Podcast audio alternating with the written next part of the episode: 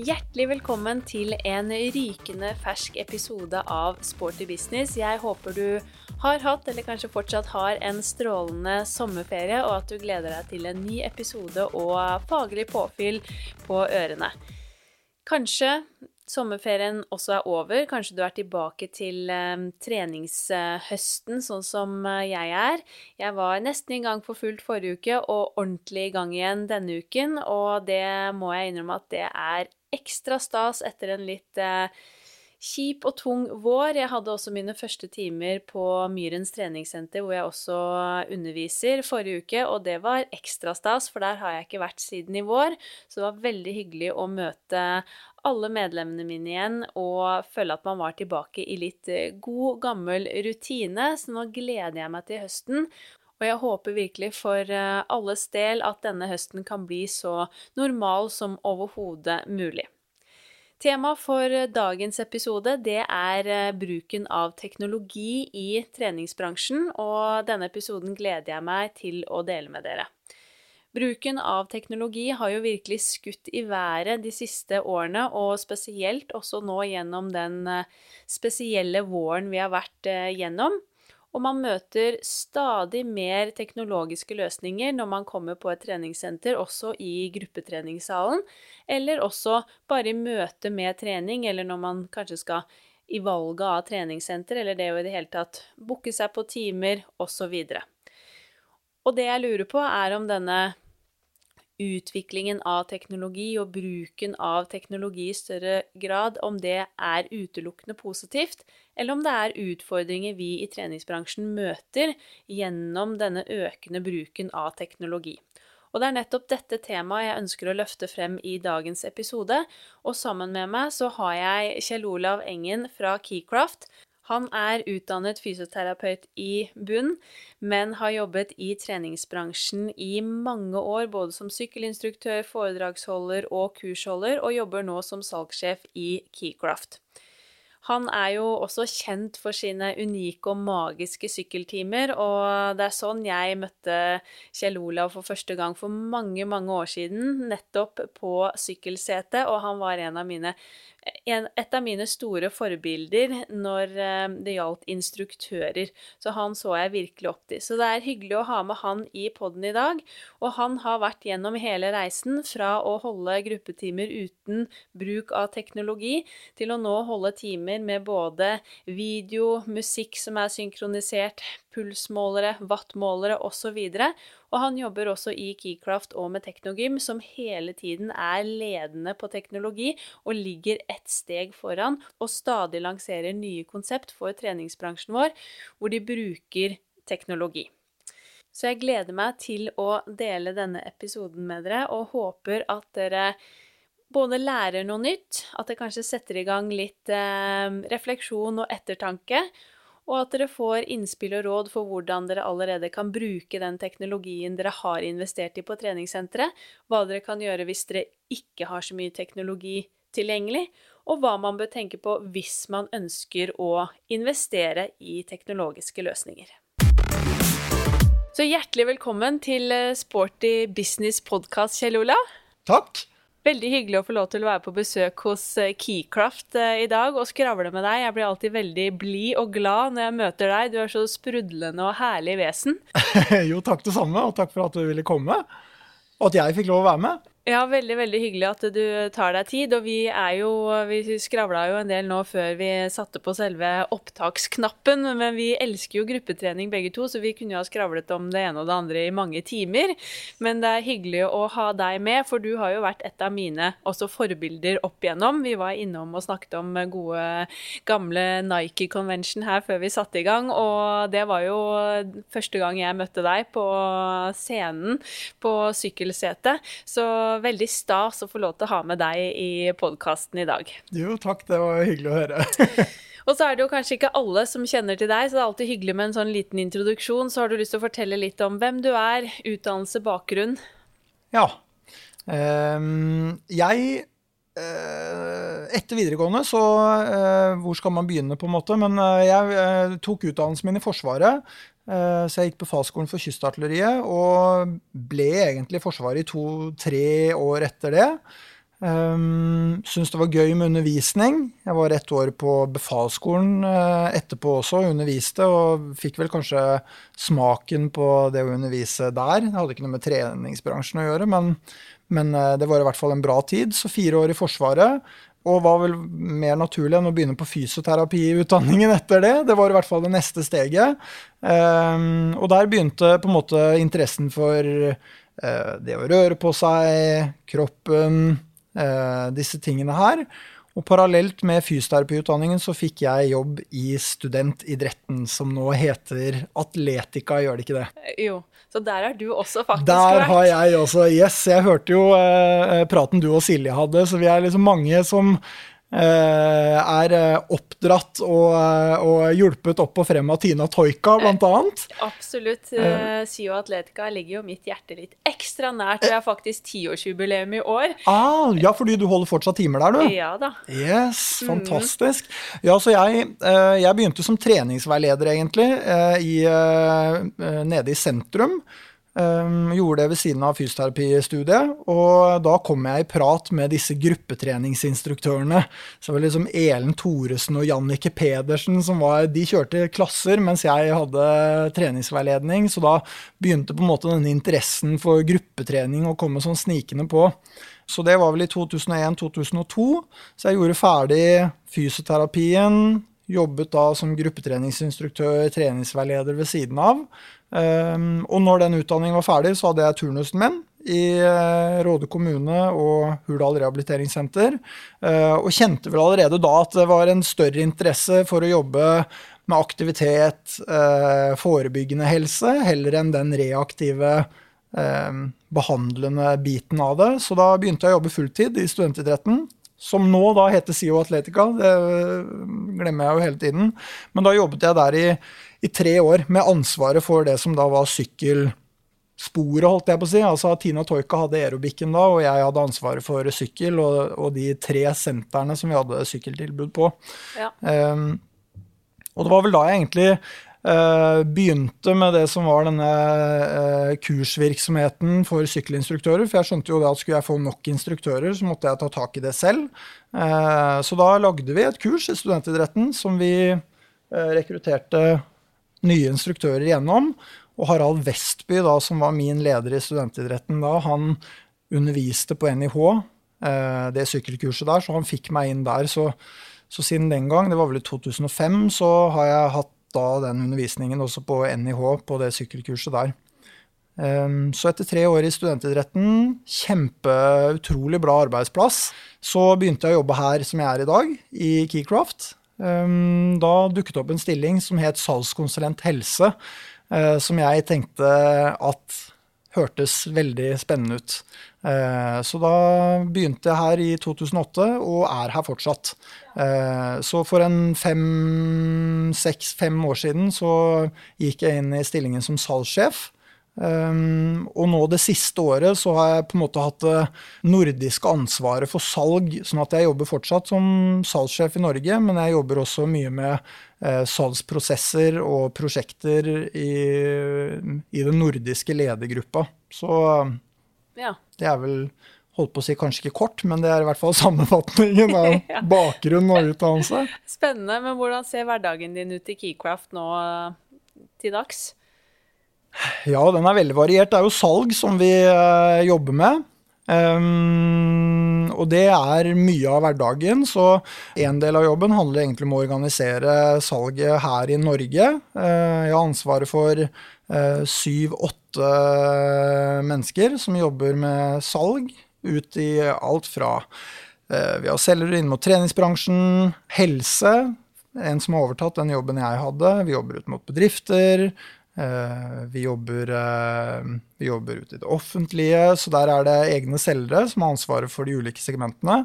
Det nordiske arbeidet det handler i, i stor grad om organiseringen av eh, arbeidet i SAS-avdelingen. Så vi jobber, mye, vi jobber mye med å analysere dataene våre. Apropos teknologi, som vi skal snakke om i dag, så ligger det veldig mye spennende informasjon i i de dataene som vi samler inn, og som gjør oss i stand til å i mye større grad eh, analysere inputen vår eh, og den outputen som vi får av, av det, eh, og kunne navigere oss videre fremover. da. Sånn at eh, det er mye prosesser og mye organisasjon eh, som er utrolig spennende. Så, så, mye av arbeidet handler egentlig om å få disse prosessene og operasjonene til å fungere på tvers av de organisasjonene våre i da Sverige, Finland, Estland og Norge. Ja. ja. Og så vet jeg at du har jo ikke lagt eh, sykkelinstruktørkarrieren helt på hylla ennå heller, så du Nei. har en fot innenfor bransjen og holder litt eh, timer i løpet av uka? Yes, det er helt riktig. Så ja, jeg har jo hatt timer da siden 2002, 2003. Ja, jeg går litt sånn i surr, begynner å bli gammel. Eh, men eh, ja, jeg har vært innom studentidretten, jeg har jobbet litt i Elixia, når det het det. Eh, og nå kjører jeg sykkeltime på Best helse, som ligger på Holtet. utrolig flott senter med en fin gjeng som jeg trener sammen med hver eneste mandag. Nå har det vært lite sykkeltimer i i uh, Q2. Ja. men nå har vi heldigvis bransjen fått lov å åpne igjen, så nå får vi satse på at det blir full fres fremover. Mm. Men generelt når det gjelder treningsbransjen, da, hva vil du si er det aller beste med å kunne jobbe i treningsbransjen og som en del av treningsbransjen? Jeg vil egentlig si det samme som kanskje de andre som du har hatt besøk av. At det, mye av det handler vel om at det er en bransje som er sånn full av passion. Eh, idealisme. Eh, vi liker å bruke kroppen, vi liker å være sammen med mennesker. Sånn at det føles ut som om det er en bransje som har masse energi, drive. Eh, og jeg føler jo at denne perioden som vi akkurat lagt bak oss, også har vel vist hvilket engasjement eh, som, som, finnes i den bransjen her etter å, å, få folk til å røre på seg. da, Og få det tilbake i aktivitet igjen, og aktivitet underveis. Ja. Så yes. Det er virkelig. Jeg er veldig, veldig enig. Vi skal jo, som du nevnte, da snakke om eh, bruk av teknologi i treningsbransjen i dag. Eh, og jeg har hatt, eh, hatt, det skrevet ned på lista mi lenge at jeg hadde lyst til å snakke med deg om nettopp dette, fordi du selvfølgelig jobber i Keycraft, og dere lanserer jo også stadig flere gruppetimekonsept med bruk av teknologi. Og dette med teknologi generelt har jo virkelig skutt i været de siste årene, og ifølge American College of Sports Medicine, som kartlegger treningstrendene for de kommende årene hvert år, så har jo det de kaller da wearable technology, det har ligget på topp tre de siste årene. Og du ser jo at det kommer stadig nye duppeditter som folk har med seg på trening, og det kommer også mer og mer teknologi i gruppetreningssalene, men også på eh, treningssentre generelt. Og jeg vet eh, også at det er mye delte meninger om denne teknologien. Så jeg tenker sånn hva er ditt forhold til teknologi i treningsbransjen? Ja, og det er jo et uh, godt spørsmål uh, som det er veldig mange svar på. Jeg tror jo at det som, vært, det som, har vært, veldig interessant med den perioden vi har lagt bak oss For én ting er jo som du sier at uh, alt viser at brukerne, altså du og jeg og, og kundene i treningsbransjen, er glad i teknologi.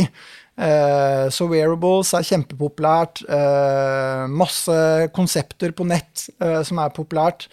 mens treningssenterbransjen har nok litt sånn hatt litt sånn berøringsangst i forhold til teknologi.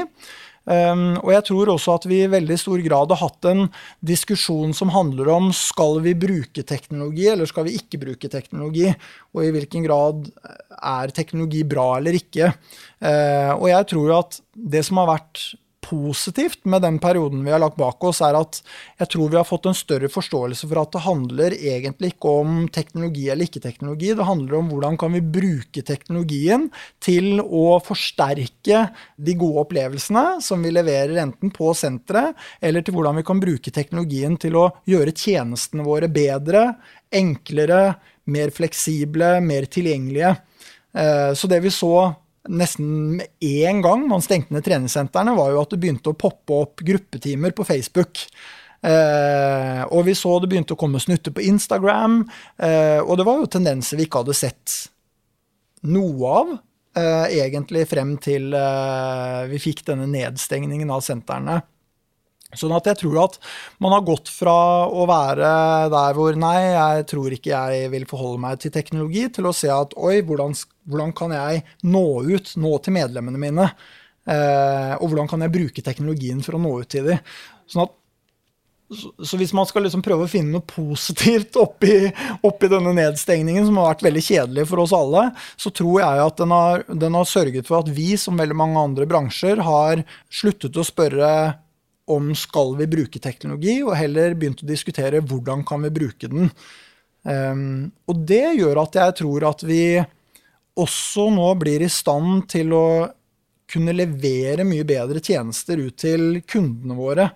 Som er de vi da lever av, selvfølgelig. Uh, og som vi også er veldig opptatt av skal røre på seg kanskje oftere eh, mer, og, og, også ikke bare i tilknytning til senteret, men også hjemme, på ferie, eh, andre steder. Så, så, jeg føler jo på en måte at, at vi er blitt mye mer modne for, for, å bruke teknologi aktivt enn det vi var for bare tre måneder siden. Mm. Absolutt, og jeg tror det du nevner med dette med hvordan man skal bruke den teknologien vi har tilgjengelig i dag, det tror jeg er et veldig viktig punkt. Yes. Fordi det handler om å kunne bruke den teknologien, og da kan man faktisk levere helt uh, unike opplevelser. Jeg husker jo i gode gamle dager Vi konstaterte før vi startet potten at jeg er en litt sånn ung dinosaur i gruppetreningsverden, jeg òg. Og når jeg begynte som sykkelinstruktør i 2008, så hadde jeg jo en eh, whiteboard-tavle hvor jeg skrev opp uh, løypeprofilen, og det var egentlig det verktøyet jeg hadde i tillegg til musikk og lys. Yes. Uh, og så etter hvert så kom det jo pulssystemet på sykkel, det ble mye mer vanlig. Man hadde store prosjektorer og skjermer, og folk syklet med pulsbelte og klokker, og det har jeg også vært med på. Og så har jo dette med wattsykling fått en boost de siste årene. Men det er jo veldig mange, opplever jeg, som de vet ikke hvordan de skal bruke denne teknologien, sånn at det blir heller ikke noe snakk om det på f.eks. på gruppetimer, og da faller alt igjennom. Men så har jeg også vært på helt unike timer hvor det både er video, det er musikk, alt er samstemt. Man kan bruke teknologien til å forstå treningslæren for å få et større treningsutbytte, og da blir det jo virkelig unikt. Yes. Men det handler om hvordan man bruker det, og at man kan det som ligger bak, og har kunnskap om det. Ja, det tror jeg også. Så tror jeg jeg tenker sånn at eh, teknologien på den ene siden kan bidra til at vi kan ja, levere bedre tjenester til medlemmene våre. Og det er jo som du sier også, jeg husker jo når vi tegna opp på tavla i gruppetimene og de tingene der, og, og, plutselig så har man da et digitalt verktøy som gjør at det er en løypeprofil på en storskjerm som hele tiden forteller hvor mye som er igjen, hvor hardt skal vi jobbe. Eh, man kan bruke video, det er mye man kan bruke for å støtte opp under. Og jeg tenker jo at Eh, jeg husker jo også veldig godt når vi, eh, når jeg hadde sykkeltimene mine på, på, eh, i studentidretten. Du kunne jo ikke booke time på nett den gangen. Da møtte man opp kanskje to timer før og satte seg i kø for å få plass på en gruppetime. Og det er klart at hvis man tar teknologien i den konteksten, da, så kan man jo se ok, nå kan du jo booke timen på nett. Og det har jo det handler jo ikke om teknologi eller ikke-teknologi. Det handler jo egentlig bare om at en tjeneste du allerede leverer, leveres mye mer smooth enn han gjorde før. Før, hvis du skulle kjøpe treningsabonnement på treningssenter, så måtte du prate med en salgskonsulent på senteret, mens nå kan du bare med et klikk på hjemmesiden, så kjøper du abonnementet. Sånn at jeg tenker at uh, teknologien, den jeg tror at det viktigste for treningssentrene er egentlig å ta utgangspunkt i hvilke tjenester er det jeg, eller produkter og tjenester er det jeg har i dag, og hvordan kan jeg bruke teknologien til å gjøre de tjenestene mer tilgjengelige, mer fleksible, enklere å bruke. Eh, på den ene siden, og på den andre siden, hvordan kan jeg bruke teknologien til å skape enda bedre opplevelser. Eh, og da tror jeg på en måte hele teknologidiskusjonen kommer inn i et Det får et annet premiss, da. Fordi da handler det egentlig ikke om hvordan kan jeg endre driftsmodellen min eller, eller tilbudet mitt ut til kundene mine. Det handler mer om hvordan kan jeg bruke teknologien til å nå ut til flere. Eh, gjøre det enklere å trene hos meg mer tilgjengelig å trene hos meg på mange flater. Du trenger ikke komme inn her, du kan være med på gruppetimene via virtuelle tjenester. Du kan se de on demand. Eh, eller du kan komme på senteret hvis du har lyst. Eh, så, så, ja, det er jo egentlig helt fantastisk. Og, og hvis man ser på andre, andre, bransjer, altså bare se på eh, det å ta fly, så tenker jeg jo at før så måtte du stå i kø for å få sjekke inn bagasjen din liksom service var noe som handlet om at du fikk møte dette mennesket som sjekket inn bagasjen. Altså, vi ser jo ikke på det som service lenger. Det er jo bare Du må vente. Det er kjedelig. Eh, det tar tid. Du må møte opp før. Nå går vi jo bare rett inn og sjekker inn sjøl på telefonen hjemmefra. Setter bagen på båndet, og så drar vi av gårde. Og det, jeg tror at hvis man tar det perspektivet, så, så er det masse spennende vi kan gjøre i treningsbransjen og det ligger masse til rette også for at vi kan uh, treffe flere, uh, gjøre trening mer tilgjengelig, morsommere. Mm. Ja. ja. Det er absolutt veldig veldig spennende. Og dere i Keycraft ser jo jeg på hvert fall sånn personlig som veldig oppdaterte og kommer med veldig mange spennende nye konsept som bruker mye av den nye teknologien i treningsbransjen. Jeg har jo møtt dere på mange conventioner bl.a., hvor dere har hatt store opperigg med ordentlig fancy gruppetimer. Og dere har jo lansert eh, gruppetimekonsept som Teambeats, Skillrun, Skillmill eh, de siste, i det siste. Kan du fortelle litt mer om de konseptene dere har, og hensikten og formålet med de eh, konseptene? Yes! Ok, nå putter du på femmeren. ja, altså eh, Nå har jeg jobbet med Jeg har jobbet i Keycraft nå i tolv år. Eh, og i de tolv årene så har jeg da også vært så heldig å jobbe med Teknogym, som er dette fantastiske, innovative italienske selskapet som hele tiden lener seg fremover, og som har omfavnet teknologi siden 2004-2005, jeg er ikke helt sikker, men som på en måte har sett på dette som en eh, naturlig del av bransjen vår.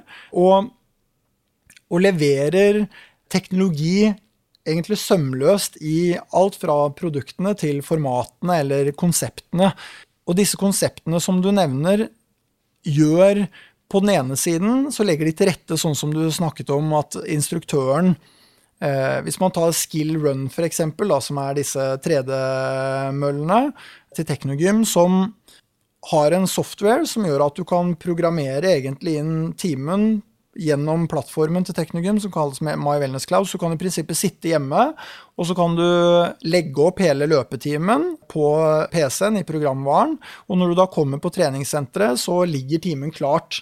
Sånn at instruktøren trenger i prinsippet ikke å bruke noe energi da på eh, guide på tid, guide på fart, elevasjon. Altså alle møllene går opp av seg selv. Dette er forhåndsinnstilt. Eh, du får beskjed på skjermen hvilken fart du ble anbefalt å løpe på.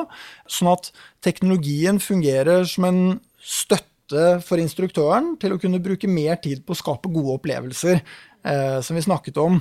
Og, det, og dette med tjenester også. altså da kan du også bruke teknologien. Så hvis du har disse tredemøllene, skillrunnene, stående i treningsstudio, så kan du også programmere møllene til å låse seg en halvtime før klassen starter. Så hvis du da som medlem går på en sånn en skillrun i forkant av en klasse, så vil mølla si fra at det begynner en klasse her om 30 minutter. Er du sikker på at du har lyst til å trene med den allikevel? Sånn at jeg tenker at Teknologien på den ene siden gjør det mye smoothere, fordi kunden vet da at denne mølla har jeg nå tilgjengelig i 30 minutter. Så forventningsavklaringen er allerede gjort. Du blir ikke avbrutt i økta di uten å vite det. Instruktøren har sin støtte i teknologien ved at den legger til rette for at treningskonseptet ruller ut sånn som de har tenkt. Og så ligger det også underholdningsaspektet i dette her også. Uh, og hvis du ser på uh, Skill Bike, f.eks., som er denne sykkelen til uh, Teknogym, der ligger jo også det samme opplegget hvor du kan programmere inn løype, du kan programmere inn intensiteten som du ønsker på timen, på den ene siden. På den andre siden så kan du lage konkurranser eh, som gjør at du kan sitte sammen med ti andre, og så programmerer man inn da en eh, løype som gjør at det kommer automatisk motstand i sykkelen etter hvert som du jobber deg gjennom løypa, og så konkurrerer du da mot alle de andre som, som er i salen.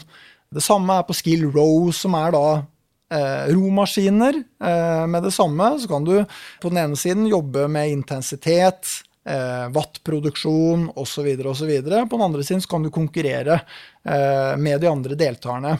Sånn at jeg tenker at eh, det disse konseptene eller produktene, altså hensikten, er jo egentlig å få folk til å synes at det å trene er gøy, eh, og at man har lyst til å komme tilbake og gjøre det igjen. Eh, og da er det jo litt sånn som vi, som vi snakket om før vi satte i gang her. Altså, grupp, altså gruppetrening tenker jeg at eh, det er jo så mange forskjellige mennesker som har forskjellige ønsker. Og det er der jeg tror at eh, ved å bruke teknologien til å forsterke eller bygge opp under et konsept, så kan du også bli mye tydeligere på hvilken leveranse du har. Så på Group Cycle så har Teknologi nå laget to konsepter. Det ene heter freebeats, og det andre heter performance. Eh, hvor freebeats er et mer eh, Hva skal man si for noe? Et eh, konsept som handler om å ha det gøy. Gjøre pushups på styret, du vet mer av de morsomme tingene. Og så har du performance, som handler mer om det å produsere watt, det å ha treningsfremgang. Og det er det, det er det, jeg tenker at teknologien nå kan bidra til, å i mye større grad si at hei, du som er interessert i performance, du som ønsker å se resultatene dine osv., osv., dette er klassen for deg. Bruker du teknologien til å skape en god opplevelse rundt den type klasse. Og så har du alle de medlemmene da som ikke er interessert i watt eller å få feedback på treningen sin. Ok, da kjører vi et annet opplegg som heter freebits eh, som er laget for dere som ikke nødvendigvis er opptatt av å komme først i mål eh, med sykkelen, men som ønsker å svette, ha det moro, få tiden til å fly, ikke kikke på klokka. Jeg ser jo veldig mange positive fordeler ved den, all denne nye teknologien i treningsbransjen, og også da knyttet direkte opp til gruppetrening. Og så ser jeg også mange utfordringer. Og jeg har jo både da vært gjennom denne whiteboard-tavlen på sykkeltime f.eks., hvor jeg skrev med tusj, og også hatt eh, brukt Igniter f.eks., som er et pulssystem, eh, og vært med på ulike forskjellige ting. Og jeg ser jo liksom fordeler og ulemper med begge deler. Og jeg vet jo at det er en del instruktører som syns det er mye teknologi, og at det kan være litt vanskelig rett og slett, og slitsomt å henge på. Og man føler kanskje ikke man heller på en måte håndterer den eh, teknologien på en god måte. Og jeg vet jo også medlemmer som syns at det blir for mye teknologi, sånn at liksom selve treningsgleden forsvinner i mye teknologi, og at man føler kanskje at det blir litt skremmende. Og i denne perioden for noen år siden hvor det virkelig var en oppblomstring og boost når det gjaldt dette med teknologi og liksom wattsykler, og det ble på en måte virkelig opplegg, spesielt i sykkelsalen, så husker jeg at jeg var på NIH eh, Aktiv Convention og opplevde en eh, sykkeltime sammen med deg og Trude Flø Johnsen, som het Gøy, gøyere, gøyest. Og det husker jeg var en fantastisk sykkeltime. Eh, jeg syns jo det var helt tipp topp, for det var jo egentlig en sånn crazy god, gammeldags sykkeltime med disco moves på sykkelsetet. Og pulsstyring eller teknologi var jo ikke i fokus. Og så husker jeg tenkte at oi, jeg ble litt overrasket for at en sånn time egentlig kom i den perioden hvor det da var så mye fokus på bruk av teknologi i gruppetreningssalen. Har du lyst til å fortelle litt om liksom, tanken bak den timen, og hvordan den har blitt tatt imot? For det er jo på en måte litt rake motsetningen til alt det andre. Ja, ja, det er det, og det begynte egentlig med altså, Trude, Trude Flø Johnsen. Hun driver jo et uh, treningssenter i Ørsdal som heter Topp trening. Og hun er også en av mastertrainerne som vi bruker her i Keycraft. Og hun har uh, sammen med meg og alene i veldig stor grad gjort mange kurs på group cycle ute hos kundene våre. Og så kommer denne sykkelen med mye teknologi. Eh, så på den ene siden så har du wattmåleren, du har fart, ja du vet alle disse parameterne som, eh, som, du får når du sitter på denne sykkelen. Eh, og på den annen side så var også systemet, Group Cycle-systemet lagt opp til å kunne kjøre videofilmer. Og så, og så begynte Trude og jeg å diskutere hvordan kan vi få flere inn i sykkelsalen? Det var på en måte premisset, utgangspunktet for diskusjonen. Eh, og allerede da så eh, Teknogym har en applikasjon som, um, som, tidligere het Aspiration Finder, som på en måte handlet om Og, og den er fortsatt uh, tilgjengelig. Og den handler om å prøve å finne ut hvilke aspirasjoner Altså, hva er det som aspirerer deg? Hva er, det, hva er grunnen til at du går på trening? Eh, og hvor man deler inn da kundene i ulike profiler. Alt fra fun det er den profilen som går på trening for å ha det moro, som kanskje går på danseklasser, eh, disse tingene, til power. Det er kunden som eh, er interessert i å måle, som er konsentrert om liksom, treningsfremgangen sin. Eh, til balance, det er kunder som ønsker å gå på trening for å roe seg ned osv. osv. I hvert fall så var liksom utgangspunktet at vi ønsket å lage en sykkeltime som kunne kanskje få inn nye grupper mennesker inn i sykkelsalen, annet enn den der tradisjonelle syklisten eh, som var opptatt av treningsdata eh, og disse tingene som eh, syklene kan eh, også gi. Og der kom denne gøy, gøyere, gøyest-timen inn i bildet. Og det begynte egentlig med at Trude hadde begynt å bruke da, eh, Group Cycle-systemet til å kjøre videoer, fordi hun så det at det distraherte medlemmene, eh, og gjorde at de syntes det var gøy å gå på timer, for da hadde de noe annet å se på enn å drive og kikke på wattmåleren sin. Og så fant vi ut at nei, pokker heller, eh, hvorfor ikke prøve noe ja, nytt? Jeg vet da søren om vi skal kalle det det, men men det var på en måte premisset. Hvordan kan vi få flere inn i sykkelsalen? Fordi vi så det at sykkelproduktet var blitt veldig prestasjonsorientert, veldig performance. Og når jeg begynte å kjøre sykkeltimer i, på begynnelsen av 2000-tallet, så var det en mye bredere kundegruppe inn i sykkelsalen. Sånn at da gjorde vi denne gøy gøyere, gøyest, og som du sier, var det masse pushups på styret, det var eh, dansing, og vi gjorde masse greier for å få opp pulsen.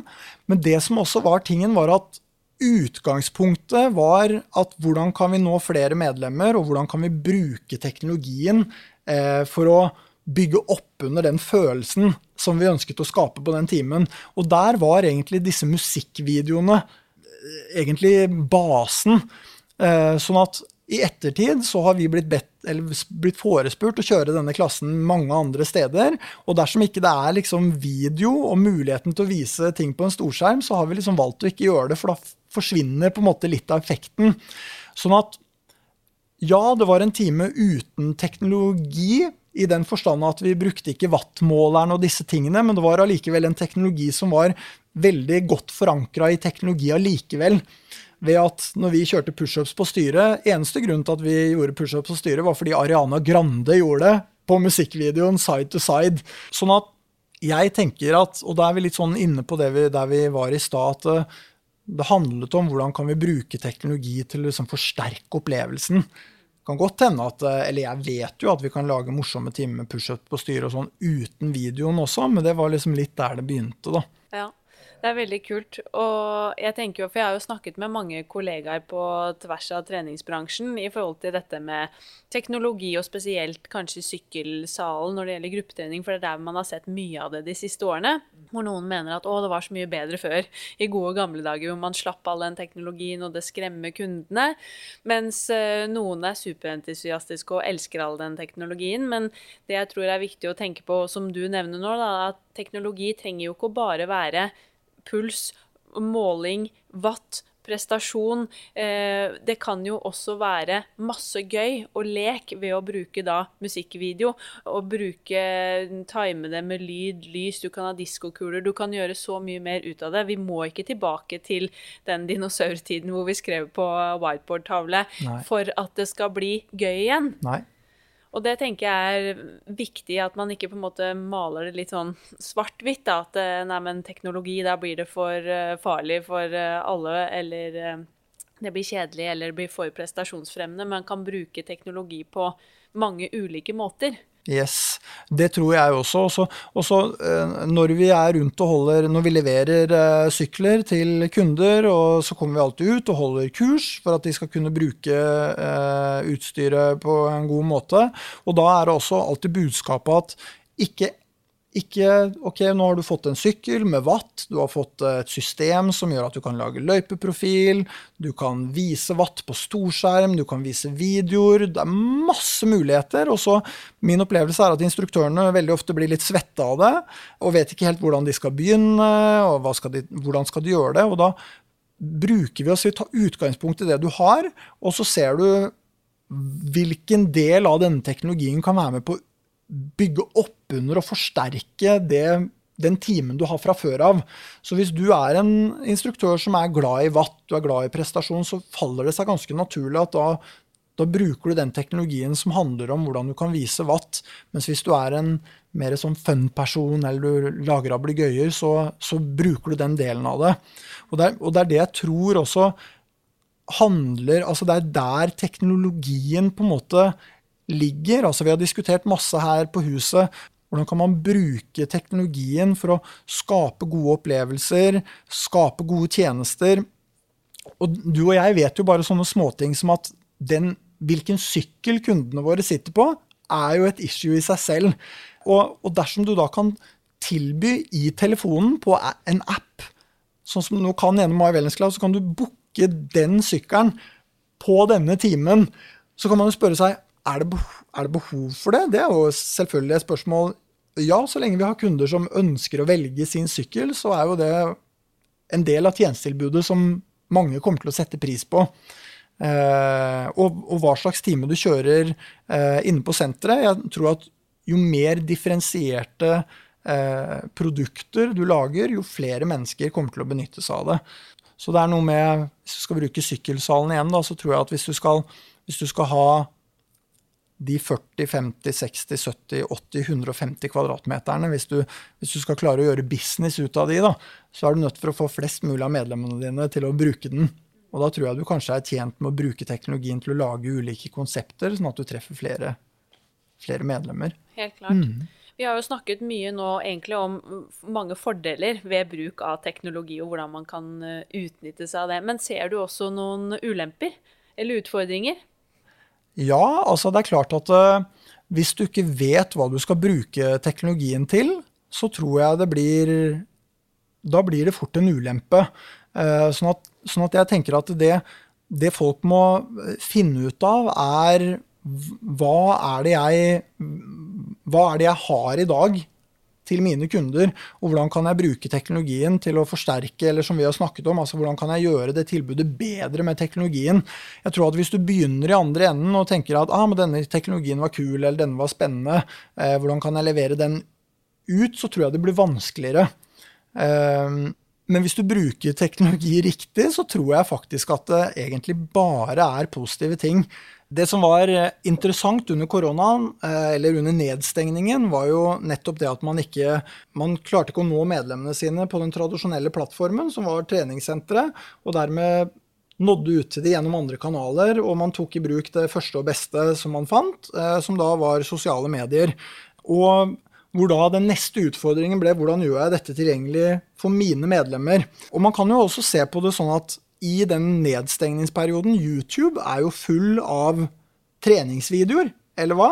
Men det vi så, var jo at medlemmene de foretrakk jo instruktørene sine. Eh, og jeg tror det var litt av liksom clouet til at den derre Instagram og Facebook og de gruppetimene som ble gjennomført der, ble populære. Og så hadde vi mange diskusjoner da med noen av kundene våre internt her på huset. Teknogym har jo sin app, My Wellness Cloud. Hvordan kan man bruke den appen til å gjøre dette innholdet da tilgjengelig for medlemmene, ikke for alle? Og dette er jo også interessant, for da tok det ikke lange tiden før Teknogym kastet seg rundt. Det var ingen streamingtjeneste i appen i mars. Og i løpet av to-tre måneder nå så har de kastet seg rundt, og så er det plutselig en streamingtjeneste i appen som heter Virtual, eh, som gjør nå at treningssentrene kan bruke appen veldig enkelt og streame gruppetimene sine live. Eh, så det gjør da at jeg som medlem har valgfriheten igjen. Enten skal jeg gå på senteret og delta på timen der, eller hvis ikke det passer meg, så kan jeg delta på den streama. Og da er den også laget sånn at du kan interagere med instruktøren og de andre medlemmene i gjennom den streama klassen. Eh, hvis ikke det passer, fordi du er nødt for å logge deg på mens klassen går, så kan du se den on demand akkurat når det passer deg. Det er dette jeg tror blir interessant nå for treningsbransjen, fordi nå er vi liksom på en måte dytta ut der hvor vi begynner å se på treningssenteret kanskje mer som en hub, heller enn en fysisk møteplass. Den er det også. Uh, og vi vet jo at medlemmene våre bruker som du snakket om, wearables. ikke sant? Det er masse forskjellige apper. De løper ute med Runkeeper, de sykler med Strava. Alle disse appene som gir informasjon om aktivitetsnivå, hva liker vi å gjøre. Og det er jo også en ting som, som Teknikum har gjort, ved at du kan knytte disse appene inn til My Wellness Cloud. Så du kan altså samle all informasjonen i en hub. Og det også gjør at du får en helt annen tilgang på informasjon da, om hva er det medlemmene dine liker å gjøre. Jeg tror at mye av dette handler om altså hvordan kan man bruke teknologien for å være tilgjengelig for medlemmene. På, på, mange ulike plattformer. Så nå kan du sykle med Strava på Gran Canaria og chatte med PT-en din gjennom eh, appen, fordi PT-en har tilgang på Strava-dataene dine, se hva du har gjort, man kan evaluere det. Eller PT-en kan kjøres live streaming eh, gjennom appen. Du er på Gran Canaria eller hvor pokker du er hen, liksom. Så, så, tror jeg at eh, trening blir mer tilgjengelig, da. Det er det jeg tror er bra. Du spurte meg jo egentlig om hva som var ulempene med teknologi, men jeg klarer egentlig ikke å, egentlig ikke å finne noen ulemper, annet enn at hvis ikke du har en klar idé om hva du skal oppnå med den, så tror jeg du fort kan snuble. Jeg er helt enig. Jeg tror det er en veldig spennende diskusjon, og du er inne på veldig mange gode poeng. Jeg tror også at det er uendelige muligheter og masse fordeler, men i bunn og grunn så handler det om det at man må kunne bruke det, og man må ha kunnskapen til å kunne bruke denne teknologien. Og det er jo Jeg har vært selv, for å bruke dette med sykkeltimer igjen som et eksempel, jeg har vært på en del timer selv hvor det er eh, pulsprofil, og det er eh, da prosjektor på veggen og fullt opplegg men hvor instruktøren ikke sier et ord om hva som foregår, og hva disse farvene på veggen er, eller hva det betyr at uh, vi beveger oss bortover den løypa, f.eks.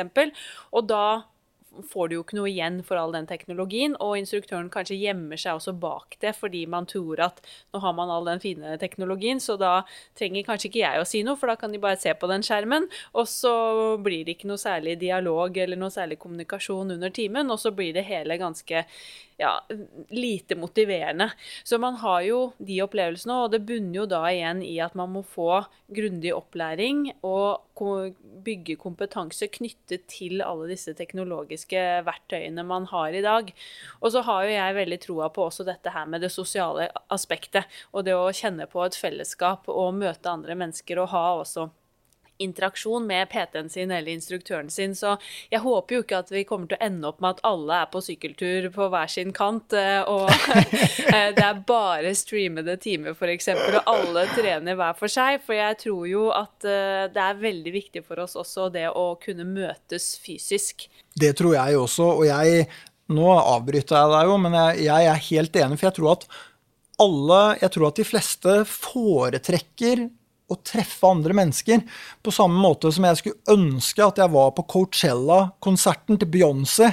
Ikke sant? Når hun hadde denne episke konserten eh, som jeg måtte se på Netflix. Ikke sant? Og som jeg allikevel fikk en eller annen gåsehudopplevelse av.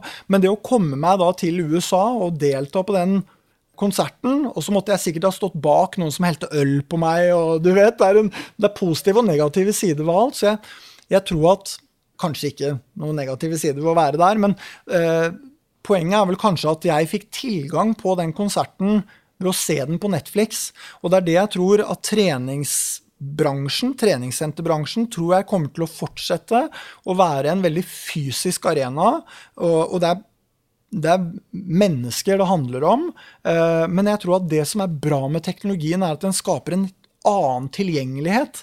Eh, sånn at hvis det ikke passer seg at jeg drar på treningssenteret, så kan jeg faktisk være med deg da, på Zuma Move-timen som du kjører. Da kan jeg faktisk delta på den digitalt i stedet for, for jeg har ikke anledning til å komme meg på senteret. Det er det jeg tror er bra. Eller at jeg kan dra på ferie og fortsatt være med på Summa Move-timen din, på at jeg gjør det gjennom appen. Sånn at jeg tror at treningsbransjen nå, ved å omfavne teknologien, bruke teknologien som en måte å skape fleksibilitet, tilgjengelighet. Og, og, tenk på hvilken effekt dette her har også i forhold til hvor mange du kan nå. Fordi det, alle de fysiske begrensningene også som ligger i at du må inn på et senter, så tror jeg også at teknologien gjør at treningssentre som Myren, som du er på, eller Atletica, eller hvor det måtte være, de kan nå mange flere. da. Eh, men nei, jeg, jeg, tror ikke menneskene forsvinner opp i dette her. Altså. Det tror jeg bare blir viktigere og viktigere. Ja, faktisk. Ja. Det tror jeg også. Jeg husker på Tren seminar i fjor, så var det et viktig tema i forhold til at jo mer teknologi det blir, jo viktigere blir også mennesket oppi yes. det hele, og den medmenneskelige interaksjonen. Yes. Men det er jo mange sentre i dag som ikke har noe særlig teknologi, og jeg kjenner flere, jeg, som fortsatt eh, skriver uh, pulsprofil på whiteboard-tavle. Ja. Og, og, de leverer jo fantastiske gruppetimer fortsatt, og det er jo mange sentre som ikke har mulighet heller til å nødvendigvis kjøpe kjøpe inn eller investere i ny, ny teknologi. Har du noe råd og tips til de sentrene eh, og de instruktørene som kanskje ikke nå sitter på den teknologien som du og jeg snakker om, hvordan de fortsatt kan levere unike opplevelser? Ja, jeg tenker at eh, det er bare å fortsette å gjøre det man er bra på. Og den dagen du da bestemmer deg for å kjøpe en mølle med teknologi integrert, eller at du bestemmer deg for å kjøpe en spinningsykkel med teknologi, eller du finner ut at du har behov for å streame tjenestene dine, så tenker jeg at fortsett å gjøre det du er bra på, og, og finne ut av hvordan teknologien i tilfelle kan forsterke det. Det er liksom det jeg tenker er det viktigste. Jeg, jeg tror at det er mange det er mange bransjer, eller mange bransjer, altså det er mange treningssentre som jeg tror kommer til å fortsette å kunne klare seg Nei, hva skal jeg si for noe? Jeg, jeg, jeg, tror, altså Hvis man ser på butikkfitness, da, så er jo butikkfitness en veldig sånn fysisk ting. Hvor man har måttet gå Altså, du må inn på et senter for å være med. Det som butikk fitness har vært utrolig flinke på, er jo nettopp det å levere unike treningsopplevelser.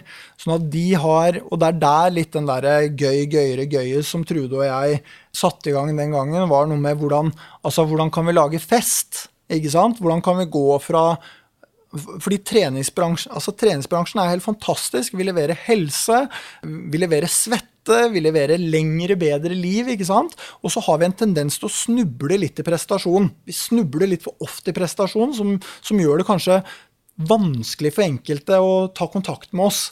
Eh, sånn at da er jo, Der tror jeg Butikkfitness har lykkes med å på en måte lage et party. da, Hvor jeg tror, akkurat som vi har snakket om, at instruktøren er helt helt avgjørende for å levere the shit ja. i salen.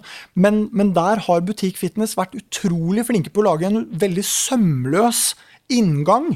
Sånn at hvis jeg skal på Barry's bootcamp, så får jeg lov å booke mølla mi, akkurat som om jeg skal på kino.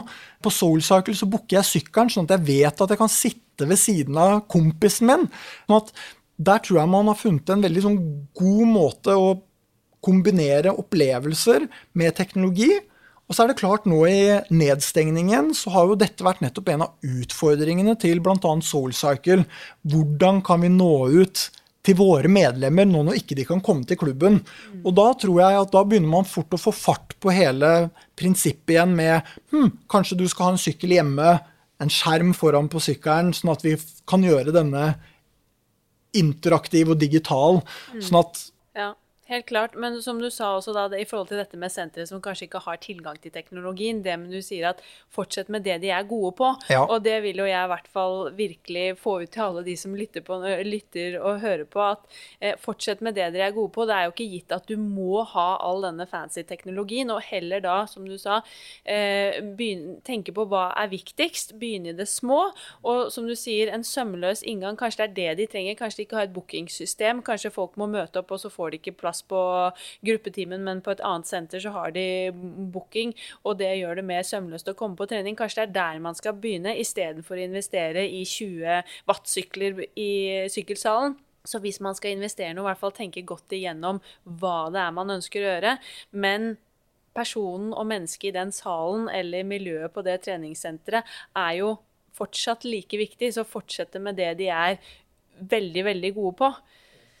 Men jeg tenker litt sånn avslutningsvis så har jeg snakket med opp igjennom og jeg har reist rundt eh, flere treningssentre som kanskje har investert da i full sykkelsal med wattsykler og opplegg, og ikke føler at de lykkes med det. De får ikke i den responsen de hadde håpet på fra medlemmene. Kanskje det har vært eh, andre investeringer av teknologi på senteret. Har du noen gode råd og tips til bransjen generelt, eller til de sentrene som føler at de kanskje har investert, men de klarer ikke å utnytte seg av den teknologien de har. Ja, og da i frykt for å gjenta meg selv nå, eh, sånn at dette ikke blir så interessant å høre på, så tror jeg det er akkurat som vi har snakket om før, ta to skritt tilbake og gjør deg noen tanker om hva du opprinnelig drev med, og hva kundene dine var fornøyd med. Og se hvordan du kan bruke den teknologien til å, til å gjøre det du hadde, enda bedre. Eh, og i sykkelsalen så vil jeg egentlig siden det er ting jeg syns er spennende å snakke om, så vil jeg egentlig bare eh, si det at eh, vi, altså hvis du skal investere i sykler, så, så, er jo det en investering på et visst antall kvadratmeter som du er nødt for å Den må jo betale seg inn. Og, og eneste, eneste måten den betaler seg inn, er jo at du sørger for at de syklene blir mye brukt. Eh, og det er klart at Hvis du da lager et veldig smalt konsept som appellerer til 10% av medlemsmassen din, så blir det en fryktelig dyr investering. Eh, og det er det jeg tenker at Hvis du da kan bruke teknologien til å differensiere det produktet, så tror jeg at lønnsomheten knyttet til den investeringen blir en helt annen. Så hvis du da bare kjører watt-timer med fokus på prestasjon, så treffer du kanskje den lille delen av medlemmene dine. Men hvis du da i tillegg kan tilby en eller annen, om du kaller det time freebeats eller fun, eller hva du gjør for noe, og at du er tydelig på at dette er opplevelsen jeg leverer her, sånn at for deg som er interessert i watt, dette passer ikke for deg, du kan gå på denne andre timen. Eh, og for du som er interessert i morsomme opplevelser med musikkvideo, altså, så tror jeg du når en mye bredere del av medlemsmassen din. Og så vet jo du og jeg og sikkert alle som sitter og hører på, at eh, jo oftere du har kontaktpunkt med medlemmene dine, jo større er sannsynligheten for at de blir hos deg. Sånn at hvis du da kan få de som er med eh, deg på dansetimer, f.eks., hvis du kan få de til å også bruke sykkelsalen en gang i uka, en gang i måneden, ved at man lager en time som appellerer til de som liker å ha det moro og bruke kroppen på en annen måte enn bare å tråkke rundt på en sykkel, så tror jeg at sannsynligheten for at de blir, er mye større. Eh, men jeg tror ikke du kommer til å få dansefolk nødvendigvis til å interessere seg, kanskje, nå antar jeg jo bare, men det er ikke sikkert at de syns at det å tråkke vatt er kjempespennende. Men jeg tror at opplevelsen som du skaper inn på en dansetime, eller hva det måtte være, den tror jeg vi kan skape i sykkelsalen også, men med et annet bevegelsesmønster og litt andre eh, stimuli. Da. Så jeg vil jo på en måte tenke det at ok, hvilke medlemmer er det jeg har? Hva er det de liker å gjøre? Hva er det, hva er det de tiltrekkes av i forhold til bevegelse, og hvordan kan jeg da skape kontaktpunkter som gjør at de har lyst til å komme oftere, ja. bevege seg mer, treffe flere av mine ansatte, og kan jeg ha teknologi da som gjør at det blir enda bedre skitt, liksom, så da lykkes du. Ja, veldig gode råd, og det tror jeg er veldig lurt. Det å kunne tenke hvordan kan man bruke det på den gøy, gøyere, gøyest måten. Rett og slett, For jeg tror mange låser seg at det blir mye prestasjon, og det kan nok skremme mange. Men at man kan bruke teknologi også da på en helt annen måte. Men helt til slutt, eh, denne teknologiske utviklingen den kommer jo til å bare fortsette og fortsette. Ja. Har du noen tanker og ideer om hvordan bransjen vår kommer til å se ut om fem-ti år, f.eks.?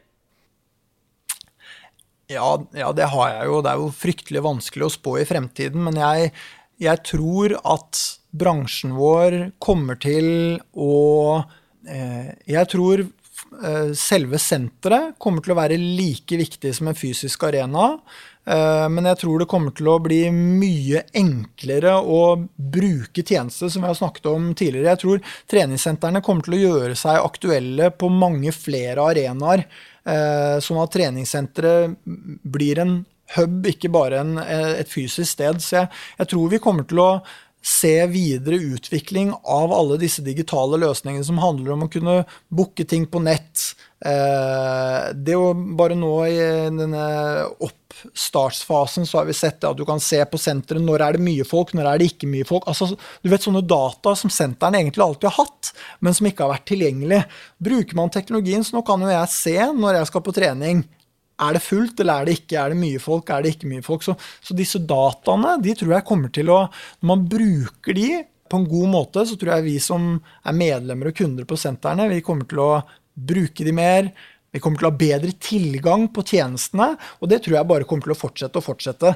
Om det er sånn at vi kommer til å ha en eller annen du vet, sånn hologram eh, At du kommer til å være et sånt hologram, altså hvem vet om du om ti år er det? Jeg tror ikke det er helt utenkelig, liksom. At eh, man skal kunne delta på gruppetimer på den måten, men jeg tror fortsatt kommer til å fortsette å ønske å ha den ekte opplevelsen på senteret. Men at man må skape tjene, altså man må gi folk mulighet til å kunne trene også på andre arenaer. Det, det, tror jeg kommer til å bare fortsette. Så det blir spennende å se om det er hologrammer eller, eller hva søren det er, men eh, at det går i den retningen som en add-on eller alternativ tjeneste, det er jeg helt sikker på. Ja. Det blir veldig gøy å følge den utviklingen. ja. Jeg som er så gammeldags, jeg har fortsatt almanakk som jeg skriver ned i. Jeg vet ikke helt om jeg ser for meg selv som en hologram. Jeg håper Men uh, jeg har fortsatt troa på de ekte, nære opplevelsene også. Ja, det tror jeg. Vi har jo snakket mye om da hva denne fantastiske bransjen er gode på, og hva som er så bra med den. Men har du helt nå på tampen så pleier jeg da å spørre alle som er med i, i podkasten et par spørsmål. Og det jeg lurer på da, har du noen tanker om hva vi generelt burde bli bedre på i treningsbransjen som helhet? Jeg tror at det bransjen kan bli bedre på, er nok eh, noe av det som er blitt snakket om i de andre episodene som du har hatt, og det er vel egentlig å være tilgjengelig for fler. Fordi når alt kommer til alt, så, så, eh, så trenger vi at flere rører på seg. Og, og jeg vet at det har vært snakk om lavterskel mer lav terskel, mindre lav terskel. Jeg tror at det vi, det vi, kanskje må tenke, er hvordan kan vi være attraktive for flere? Eh, og jeg er ikke alltid sikker på om det handler om stolgymnastikk for å senke terskelen. Tror det kanskje, Jeg skulle kanskje ønske vi kunne dreie diskusjonen litt mer rundt hvordan skal vi gjøre det aktivt, eller attraktivt. Eh, så dette med eh, gaming, eller altså Vi ser jo ungdom de driver masse på spiller, ikke sant, som gjør, gjør det inaktive. Så i hvilken grad kan vi skape en attraktivitet rundt det å røre på seg? Eh, og det er der jeg også Nå er vi tilbake på teknologien, men det er der jeg også tror at hvis, hvis, bransjen kan begynne å tenke hvordan kan vi få de som ikke syns det er gøy å røre på seg, til å synes det er moro å røre på seg, eh, heller enn å tenke er terskelen for høy eller for lav. For jeg er, ikke, jeg er ikke sikker på om det er der egentlig jeg er ikke sikker på om det er det som er problemstillingen. Jeg tror bare veldig mange tenker at det er kjedelig, slitsomt, øh, har ikke lyst, det ser bare forferdelig ut, liksom. Så hvis vi kan snu den til å prøve å tenke ok, hvordan, hvordan kan vi få folk til å synes det er dødskult å røre på seg? Hvordan kan vi lure de til å synes det er moro? Der tror jeg treningsbransjen kan bli flinkere. Og, og kanskje det handler om kommunikasjon. øh, som vi har snakket om litt, dette med prestasjon og den biten. Kanskje det er litt av greia. Hvordan skal vi få folk til å forstå at vi har det jækla gøy på trening? Eh, og så må vi levere, da. Ja. På oh, det. Nå ble jeg veldig inspirert. Det får masse ideer i hodet. Jeg er så enig. Men helt til slutt, da, har du eh, noen ideer, eller har du lyst til å liksom sende stafettpinnen videre hvis det er noen du kunne ønske deg å høre i denne podkasten? Ja. Altså, jeg kunne tenke meg egentlig å høre Kristin von Streng Eh, som driver, eh, er daglig leder i Barry's Bootcamp.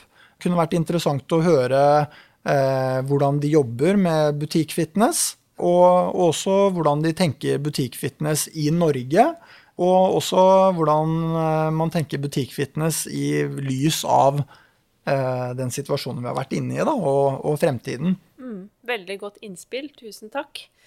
Jeg syns uh, generelt dette har blitt en veldig fin episode. Vi har i hvert fall fått skravlet masse. Vi kunne jo ha skravla en time til om uh, alt vi syns er så gøy og spennende med denne bransjen. Men vi får runde av, og jeg tror lytterne også har fått mange gode tips og satt i gang litt ideer knyttet til dette med teknologi og bruken av teknologi, håper jeg. Og det er en veldig spennende diskusjon.